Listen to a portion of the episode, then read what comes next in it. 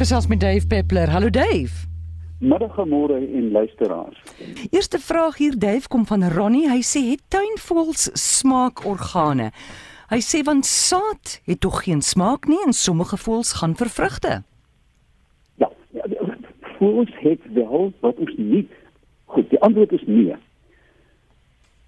Voëls is ingestel op sig, hoofsaaklik op sig, maar wat wel interessant is dat baie voëls, nie almal nie, hiperkrities kan ruik. Hmm. En en die beste voorbeeld hiervan is 'n wenvlugduwe, die gebiede die die duwe op die dak dat hulle letterlik nie kan gaan sit as hulle terugkom van 'n vlug voor hulle nie hulle eie hok geruik het nie. So, gewoonlik is daar 'n verband tussen smaak en um en reuk, maar in hierdie geval nie want daar is min aftasorgane in voëls. So, so dit kan. Ek hmm. dink jy al 'n aasvoël as hy kon proe, liewe hemel, maar dit kan wel baie baie akkuraat ah. lyk. Dan wil Philip Philip weet hy sê as sodium kloried oor ys gegooi word dan smelt ys vinnig. Nou wil hy weet is die sodiumgehalte laer by die pole pole sodat die ys nie so vinnig smelt nie. Die die, die sodiumgehalte. Nee, die die die die die die gehalte, dis maar sout nê. Nee. Sodium oh, sout. Sout ja, jy sê ja, dis as jy sout oor ys gooi dan smelt dit mos nou vinnig. O oh, nee, jammer, ek het net sleg gehoor. Ja, ja. Môre nee, die soutgehalte van die oseane mm. is uiteraard konstant reg oor die wêreld. Dit is net eenvoudig lae temperature. Nou, ehm um, daar was 'n jaar of 4 gelede of 5 selfs 'n baie interessante film oor um, of 'n fiksiefilm uh, oor klimaatsverandering uh, as die skielik dat die ystydperk kom. Ek kan nie dink se naam nie mooi onthou nie. Maar dit het te maak met die golfstrome. Nou die wêreld word verbind eintlik met een seestroom wat al die oseane meng. Uh, dit is baie duidelik in die golfstroom byvoorbeeld.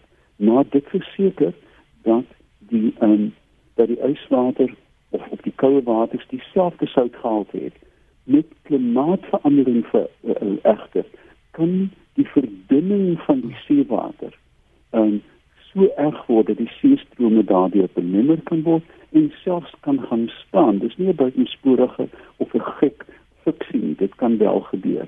Maar dit is eenvoudig net die inherente koue van die pole wat die uh, wat die ys behou. Ah, goed. Iemand vra hierso dat wat is nisboere? Dis wat Betty wil weet. Wat is wat? Nisboere en vir Natal is nisboere. Ja, môre ek ek is jammer vir my nuwe telefoonlyn werk. Nisboere en u is. Ja. En u ja, is nisboere. Ja. ja. Kyk jy jy kry byna sê 'n kanaalboer. Jy kry 'n jy kry 'n mielieboer en 'n sitrusboer. Maar nisboere is iemand wat byvoorbeeld met alpaka mm. uh, sal boer of met suiwerings of iets werklik klein en eksklusief. Um, en wat byna geen kompetisie het nie. Met ander woorde, as jy 'n wynboer is, moet jy kompeteer met almal, jy weet met terroir en al die goedjies mm. wat daarby sit.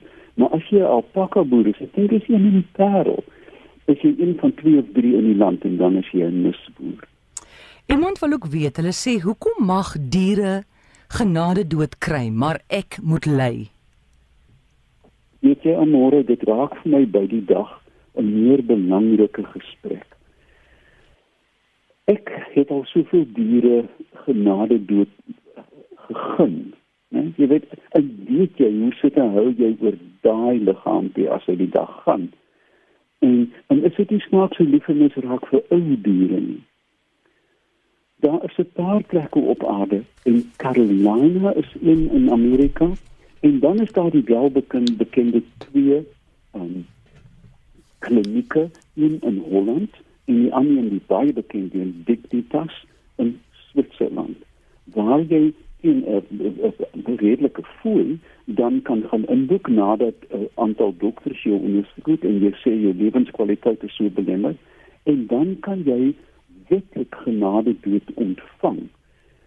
In Suid-Afrika is dit 'n selfdood nie teen die wet nie. Jy het dit geweet, dit is glad nie onwettig nie. Ja. Nie. Maar die die etiese kompleksiteit van 'n dokter wat dan iemand bystaan is natuurlik teen die wet. En daar was die bekende Kaapse professor wat ek dink uit Nieu-Seeland toe gegaan om sy ma te help. Mm. My persoonlike mening en dit is slegs my persoonlike mening. Dit is die hoogste vorm van beskaafdheid mm. dat 'n mens kan besluit dat ek het genoeg gelewe of ek wil nie meer hierdie kwaliteit lewe hê nie en dan op 'n beskaafde en gekontroleerde manier kan sterf. Die probleem is indien hierdie wens nie toegestaan word, nie raak mense desperaat en doen gruwelike dinge. Dit spring vir 'n trein in of bots met 'n motor of gebruik 'n tou of wat ook al. Dit is nie nodig nie. En ek dink uh, ek sal graag omdat ek begin ouer word, um hierdie reg voorbou en sê ek gaan nie roekeloos om die lewe of roekeloos om die dood nie hmm. maar ek behou die reg om te besluit. En ek ek ek dink dit is 'n intens beskaafde ding om te doen. En dit het niks te doen om ouer mense uit ouerhuise te hou of hulle uit hospitale te hou nie. Maar hemel aan môre stap deur 'n hospitaalsaal en sien die lyding jy weet daar is geen hoop nie. Dit is jare en jare en bedsere en en doeke en en geen mens wil daardeur gaan. Indien jy wel bereid is om daartoe gaan en bly moedig te bly, baie reg doen dit. Mm. Maar ek dink regtig ons moet in hierdie land sterk begin dink aan 'n beskaafde forum, 'n ingeligte forum. Daar bestaan een in Australië bekend as die Peaceful Pool en intendeel ek sê dit rondborstig, ek het wel aangesluit um jare gelede. Um en ek ek hoe kan ek dit nou beskaaf self? Ek berei my voor vir 'n dood van my keuse aanmôre. Jy praat nou van Australië, tog is daar 'n storie die afgelope week van hierdie uh, bekende, ek dink die man is ook 'n natuurkenner in Australië, 104 jaar oud. Hy het na ja. Switserland toe te gaan om hom daar te laat uh, jy weet uitsit sê kan dit klink verskriklik om daar te sterf. Uitsit, maar mense wil dit half sê. Ja. Um, by Dignitas, ja, hoekom doen hy dit nie in Australië nie?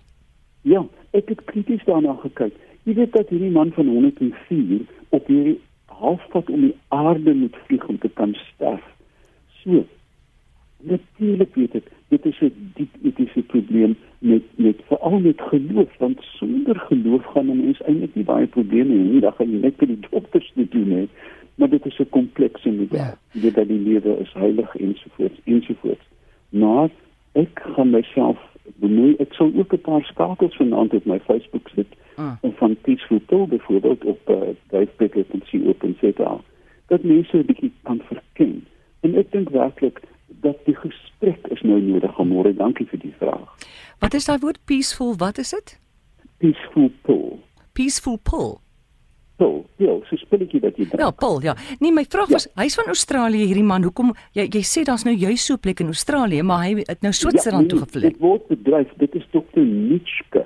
Ja. Nou, onthou jy daar was in Amerika 'n man met die naam van Dr. Kevorkian? Ja. Dat ek weet, hom hy het 'n uh, uh, leerskare mense uitgesit ek dink. Hy was 'n bietjie van 'n oordrewe praktisyn, maar ehm um, hy is later tronk toe en Kevorkian uh, is is nou ek dink hy's oorlede maar Nietzsche is baie besig en hy gee lesings reg oor die wêreld oor hierdie keuses en die peaceful poll is 'n handboek wat jy volledig jy betaal 'n dollar of 4 daarvoor ja. wat jy volledig inlig oor nie net hoe om jouself dood te maak jy dan sekerlik nie so kry maar wat is die dinamika om om om eiehandig te sterf. Nou môre daar's 'n lieflike lieflike dokumentêr van HBO met die naam van To Live and Die in Oregon. Het ek gou 'n minuut nog? Ja, ja. Met die lieflike oomie. Dit is werklik afgeneem mm. wat sy vriende en familie en die dokter om hom vergader het. 'n 'n dagbed teen 'n venster en daar sit hy, afgemat en klaar met die wêreld. En die dokter sê vir hom luister oom Japie, ehm um, jy het 'n keuse om nie te sê hy sê give me the stuff. Jy verstaan? En hulle gee vir hom sy glasie medikasie en hy haal sy bril af en gaan lê op sy sy en sê dit sien vir sy geliefdes en hulle vra vir hom, "Was is daar 'n laaste woord. Mm. En sy laaste woorde was tell them it was easy folks. En daar het net aan die huil gegaan. Mm. Tell them Maar jy weet as jy met soveel liefde die aarde kan verlaat, vra ek hoekom nie. Goed. Eh, van iets van die hak op die tak. Koos vra, help dit om met 'n motor se flikkerlige ligte aan te ry om kudus weg te hou? Nee, ek twyfel baie sterk daaraan. Kudus is baie uh, bespotierig en skrikkerige diere. Um as die hoofligte hoofligte verblind hulle uiteraard. Hmm. Ek sou dink dat 'n um, geluid hulle meer sal afskrik as 'n flikkerlig, maar dan is geen getuienis dat flikkerligte enigstens help nie. Ek dink net as daar 'n teken langs die pad is met daai kudus met sy gedraaide horings, beskoon my moet jy eenvoudig versigtig ry. Um want jy weet dit is teen spoed. Is dit soms teen 'n rots vaste ry. Vrou wil weet hoe weet jy wanneer pas 'n parfuum by jou as jy nou gaan parfuum koop? Ah, kyk, ou vraag daai. Um jy kyk mense wat nie 'n woordeskat vir 'n leksikon vir parfuum het nie, beskryf dit asof soet, nee, iemand sê o, hier is dit soet of ehm um, dis te droog. Ons sodra jy woorde het om parfuum te beskryf, kan jy begin beskryf. Mm. Nou iemand sê as ek daai goed op my spuit, ruik dit na doen. Mm.